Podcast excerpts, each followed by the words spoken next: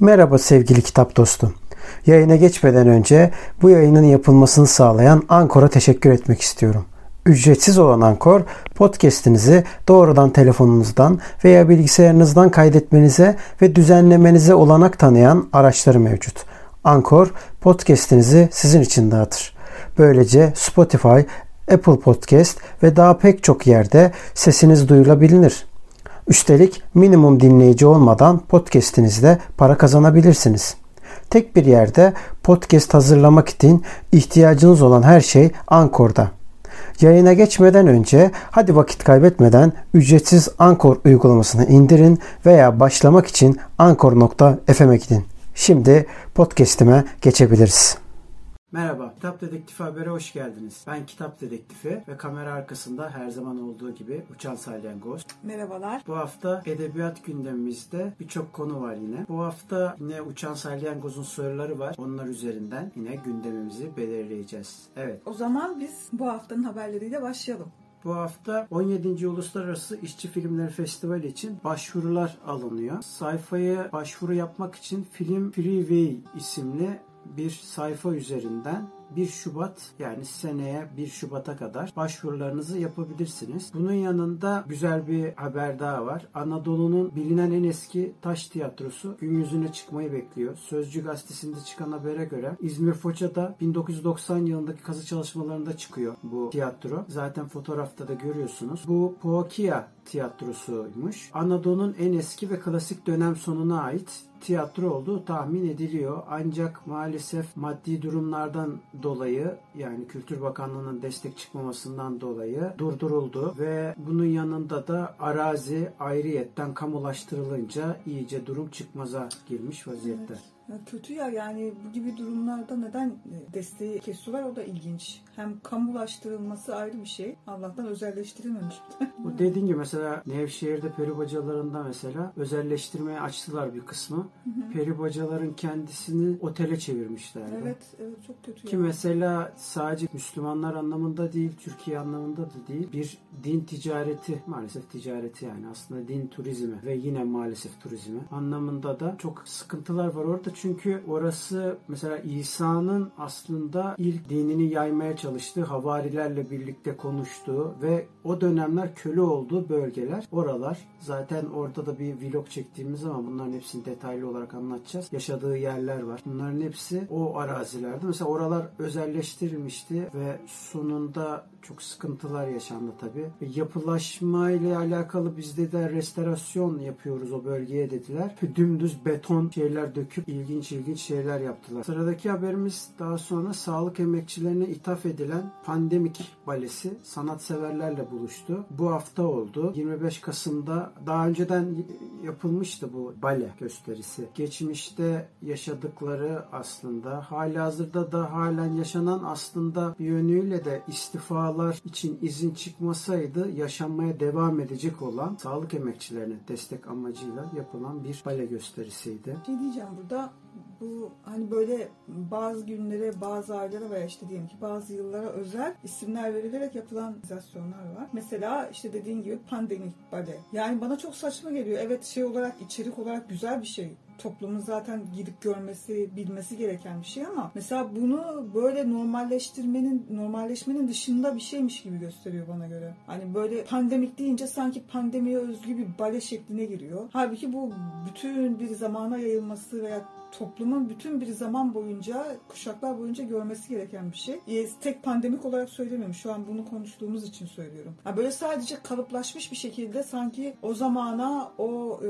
o yıla veya o aya ait özel bir şeyin patlaması sonucunda oluşan bir şeymiş gibi geliyor. Bana çok saçma geliyor. Ha dediğim gibi içerik şey olması gereken bir şey zaten. Belki de bu bu gibi şeyler bu zamanlarda daha çok ön plana çıkartılmaya mı çalışılıyor? Hani toplumla daha da mı iç içe, yani toplum daha çok tanısın ve daha da bir gelişsin diye mi yapılıyor? Bu mantığını çözmüş değilim yani ben bunun. Hani özel şeyler oluyor ya mesela işte diyelim ki 5 Nisan'a özel işte film e, ya da işte diyelim ki Kurban Bayramı'na veya Ramazan Bayramı'na özgü organizasyonu. Bana çok saçma saçma geliyor. Mesela tiyatro, bale bu gibi şeyler zaten toplumun hali hazırda her zaman gidip gelip göreceği yani yapılması gereken bir şey. Böyle her şeyi böyle kutu haline getirip toplumun önüne veriyoruz sonra geri alıyoruz gibi geliyor bana. Sonra bir daha o toplum onu görmüyor ya göremiyor çeşitli nedenlerden dolayı. Ha bana ilginç geliyor bu gibi şeyler. Doğru haklısın. Yozlaştırma hareketleri olabilir bu yani. Hmm.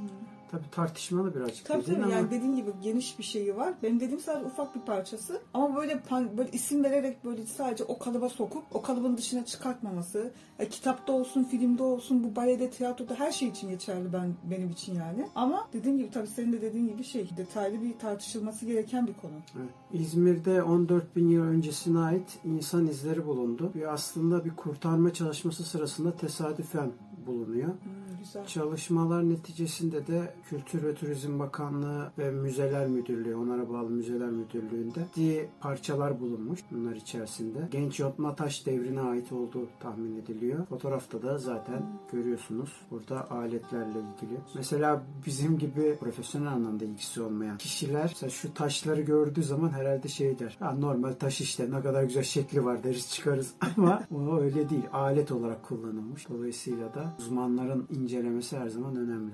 Evet. E, Albert Einstein'ın bir defteri var. Görecelik kanununu yazmış olduğu bir defter. Aslında bu defter 13 milyon dolara alıcısını buldu. Daha önce de M2 kare isimli o meşhur teorisinin not aldığı defterde açık arttırmada satılmıştı. Burada da efendim fizik anlatırken görüyorsunuz kendisini.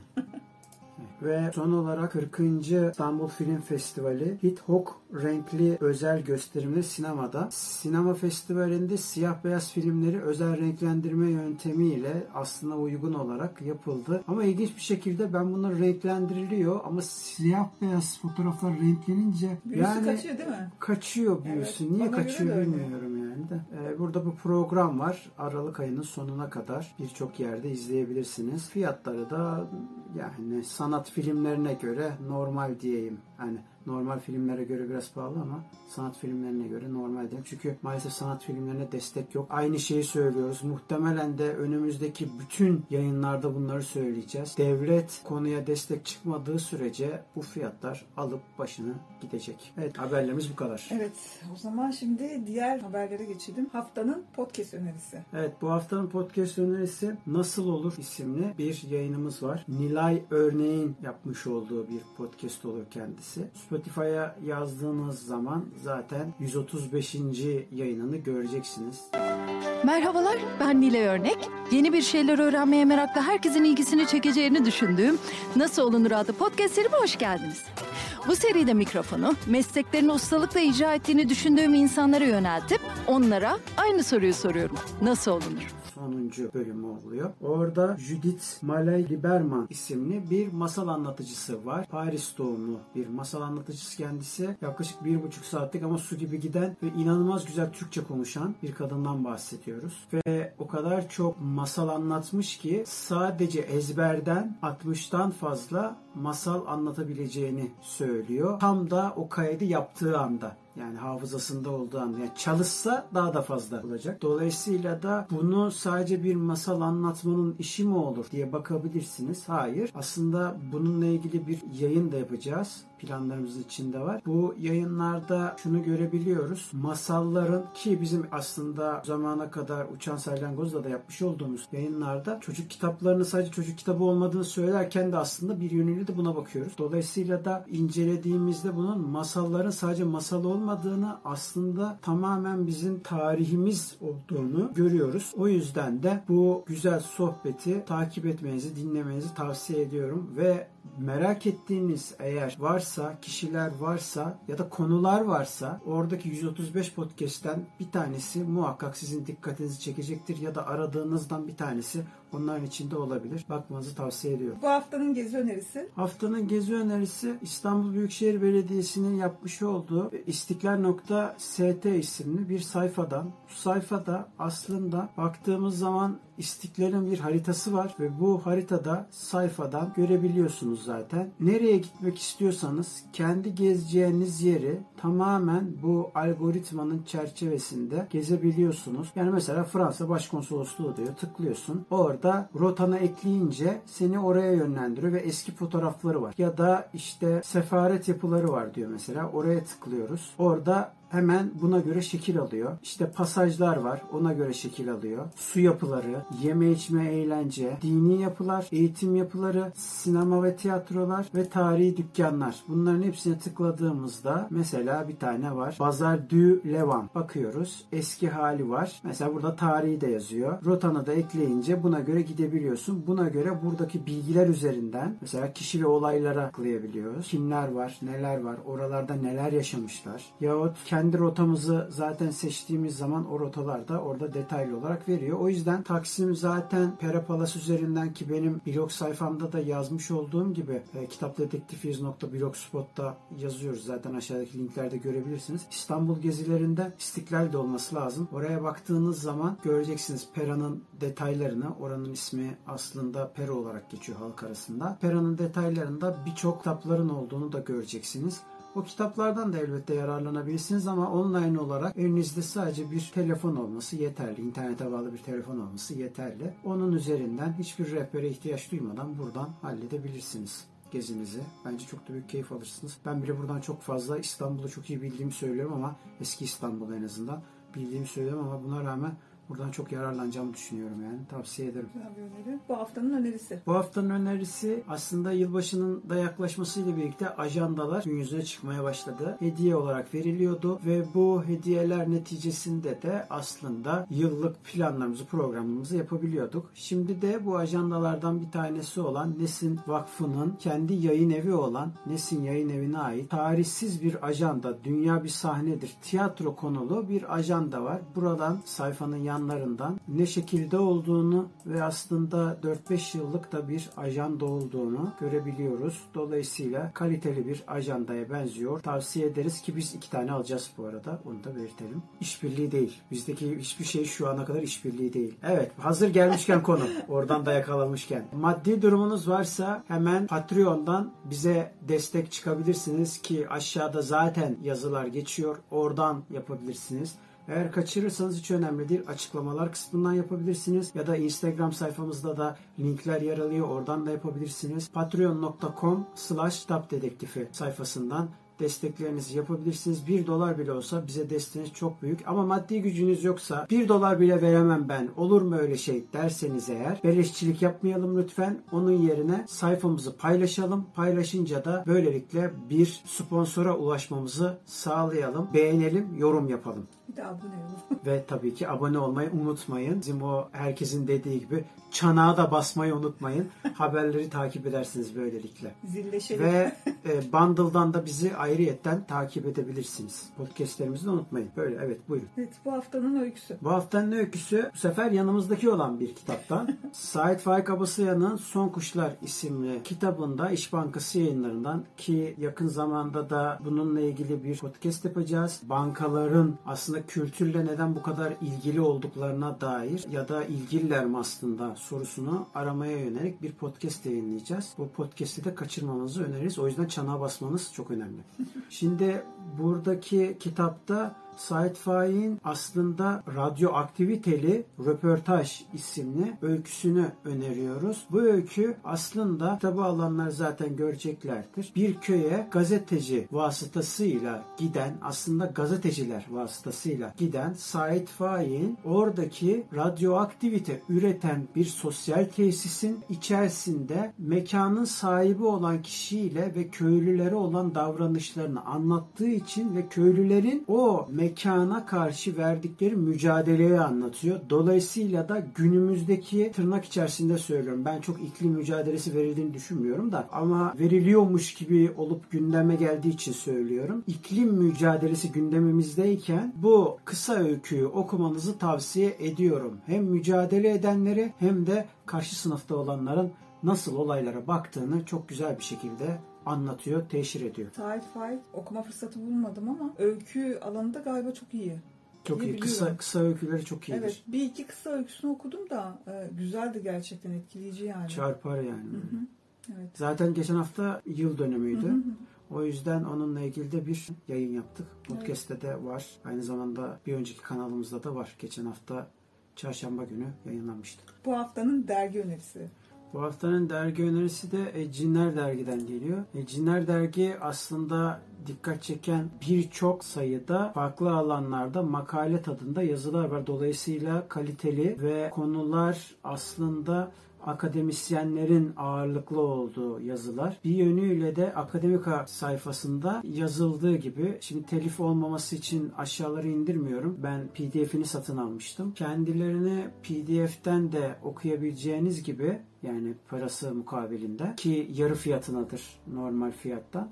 Yıllık abone de olabilirsiniz ya tüm sayıları birden satın da alabilirsiniz. O yüzden Ecinleri okumanızı tavsiye ediyorum. Ayrıca Ecinler yakın zamanda bir çağrıda bulundu. Kağıt fiyatlarının artması gerekçesiyleydi bu çağrı. Biz de onların vesilesiyle bu çağrıyı yenileyelim. Yapmış olduğu çağrıda toplamda 3 kişi çalıştıklarını ve bu 3 kişinin konuda çok fazla efor sarf ettiğini, maliyetleri kurtarma derdine düştüklerini, o yüzden de sadece onlara abone olmanın daha çok destek sağlayacağını dolayısıyla da bu çağrıyı da onlar vesilesiyle tüm yayın evleri için söyleyelim. Yani e, olabildiğimiz kadar mümkün olduğu kadar yani gücümüzün yettiği kadar sayfalara abone olmaya çalışalım ve bunun yanında yıllık abonelik yapabiliyorsak yıllık abonelik yapamıyorsak ya ki mesela benim hali hazırda durumum çok iyi olmamasına rağmen iki tane dergiye üye oldum bu sene muhtemelen önümüzdeki senede 3'e 4'e de çıkartacağız bu sayıları. Ve gerçekten hem de kargo dahil fiyatları olduğu için inanılmaz uyguna da geliyor.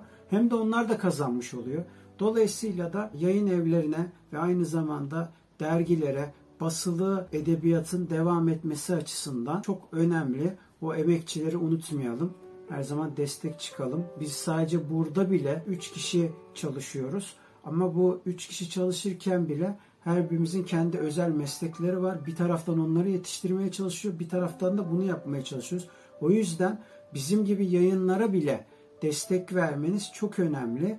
3 demeden 5 demeden herkese destek vermemiz gerekiyor. Gücümüz yettiğince. Yani bu hafta ona verirsin, öbür hafta öbürüne ya da bu ay ona verirsin, öbür hafta ona. Sürekli olarak hangisini yeteyim diyebilirsiniz. Ancak oradan aldığınız haz ve birikim size daha sonra çok ciddi şekilde geri dönüşler sağlayacaktır.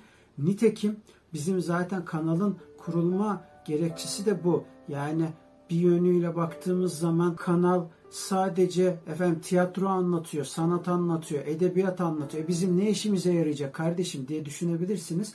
Aslında hayır. Bunların gündelik hayatta nasıl da karşılığının olduğunu podcastlerimizde dahil olmak üzere birçok kere ispatlıyoruz. Zaten içerikleri yakından takip ediyorsanız bunu da görüyorsunuzdur. Bunu da bu vesileyle Ecinler dergisinde anlatırken tüm yayın evlerinin emekçilerini de anlatırken söylemiş olalım. Bu haftanın kitap önerisi. Bu haftanın kitap önerisi yine bende olandan. Zaten muhtemelen artık bende olanlardan hep anlatacağız. Karartma Geceleri Rıfat Ilgaz'dan. Karartma Gecelerinin arka kapağından okumak istiyorum. Aslında çarpıcı olan o. İkinci Dünya Savaşı sırasında o açlık ve kıtlık varken Türkiye'de çünkü tarafsız olduğu gerekçesiyle aslında kapitalist devletlerin ya da emperyal devletlerden hiçbir ticari e, şeyler yapılmadı. Var olan hazineden kullanıldı. Dolayısıyla da o dönemde anlatılan kitapların sayısı çok az ve bunu okumak anlamında Çınar yayınlarından tavsiye ediyorum. Arka kapaktan okuyorum. Rıfat Ilgaz Mustafa Ural'ın kaçış öyküsünü anlatırken savaşın etkisindeki ülkemizin 1940'lı yıllarına da ışık tutuyor. Yurdumuzda ve uluslararası yarışmalarda birçok birincilik ödülü alan Karartma Gecelerinin filmi de romanı kadar büyük ilgi görmüştür diyor. Peki konusu nedir Karartma Gecelerinin? İkinci Dünya Savaşı sırasında yine 1940'lı yıllardan bahsediyorum. E, tabii faşizm de yükseliyor. Faşizm yükselirken Türkiye'de de taraftarlar buluyor. Hatta iktidarlar tarafından da ciddi destekler görüyorlar. Ve bu destekler neticesinde de muhalif olan insanlar ciddi e, başlarına belalar açıyorlar. Ne gibi belalar? Karşıt görüşlerde yazılar yazmaya başlıyorlar. Yani ille de bu arada sosyalist olmasına gerek yok. Faşizme karşı mücadele vermeye yönelik yazılar yayınlıyorlar ve bunlardan dolayı da haklarında soruşturmalar açılıyor ve kimileri hapse atılıyor. İşte hapse atılmaya çalışılan ve bir dönem, belirli bir dönem kaçan ve başına kaçtığı için neler geldiğini karartma gecelerde okuyabilirsiniz. Bir dönemi anlatan dönem kitapları seviyorsanız bayılacağınız bir kitap. Zaten Rıfat Ilgaz'ın yazıları her zaman güzeldir. Onu da tavsiye ederim. Evet. Bu kitap yani o dönemlerde yayınlanmış mı? Hatta bir şey de vereyim, spoiler da vereyim aslında. Rıfat Ilgaz'ın kendi hayatından kesitler var bunun içinde. Aslında burada Mustafa diye bir karakter var. Mustafa Evet. aslında Rıfat Ilgaz yani. Kendi başına gelenler aslında. Şey yani o dönemlerde mi yayınlanmış yoksa o dönemlerden çok sonra mı yayınlanmış? O dönemde hayır, kendi yaşadıklarını Hı hı. anlattığı bir kitap. Tamam. Dolayısıyla Ha, sonradan yayınlanan dolayısıyla şey. da Evet, sonradan yayınlanıyor. Şeyden çünkü şey aklıma geldi. Mesela masalları ben çalıştığımda masalları yazan kişiler genelde böyle e, şeyden oluyor, soylulardan oluyor. Evet. E, Çünkü şey köy halk köyden halktan alıp masalları kendince çevirip bunu krallığa, kraliçe diye işte kra- e, kral kraliçeye sunmak zorunda. Hı. Onun için şey yapıyor. Böyle bir çeviriyor bir şeyler. Me- Mesela şey gibi, kral çıplak gibi. Evet. Onda da aslında hani kral çıplak derken aslında bir nevi de yani yeriyor. Evet. Ama bu kraliyet şeyinde mesela güzel karşılanıyor ve böyle dinleniyor. Evet. Hatta bazı masal anlatıcıları, hikaye anlatıcıları krallar, kraliçeler de tarafından destekleniyor. Parasal yönden de kral ve krallığın himayesi altına geçip orada yaşayabilme imkanı, orada iyi biçme imkanı da buluyor. O, acaba dedim öyle bir şey mi var? Hani şey olarak e, gizliden böyle bir dolambaçlı yoldan mı anlatmış Rıfat Ilgaz? Yok açık açık anlatıyor. Sadece isim farklı. Hı, Ama tabii dediğin gibi sonralardan yayınlanmış zaten. Evet. Evet, benim bu hafta soracaklarım bu kadar. Senin eklemek istediğin bir şeyler var mı? Bunlardan başka. Konuşacağım bu kadar. Başka. Peki Diyor. o zaman. O zaman görüşmek üzere. Haftaya yeni edebiyat haberlerine kadar kendinize iyi bakın. Ancak unutmayınız ki tekrar edelim. Özellikle tekrar ediyoruz. Çünkü yine söylüyorum tekrar tekrar da söyleyeceğiz. Reklam mı giriyorsunuz diyeceksiniz. Hayır, gerçekten ihtiyacımız var diye tekrar tekrar söylüyoruz. Sponsor arıyoruz ve eğer sponsor buluncaya kadar da sizin destekleriniz çok önemli. Hatta sponsor bulunca da çok önemli. Çünkü sizin destekleriniz sayesinde büyüyoruz. O yüzden kanalımıza beğenip abone olmayı, yorum yapmayı ve aynı zamanda da Patreon'daki aşağıda geçen yazıda yer alan sayfayı 1 dolar bile olsa desteğinizi esirgemeyin. Lütfen, lütfen, lütfen. Bu kadar da lütfen kimseye demem ona göre. Görüşmek üzere. Kendinize çok iyi bakın. Görüşürüz dostlar.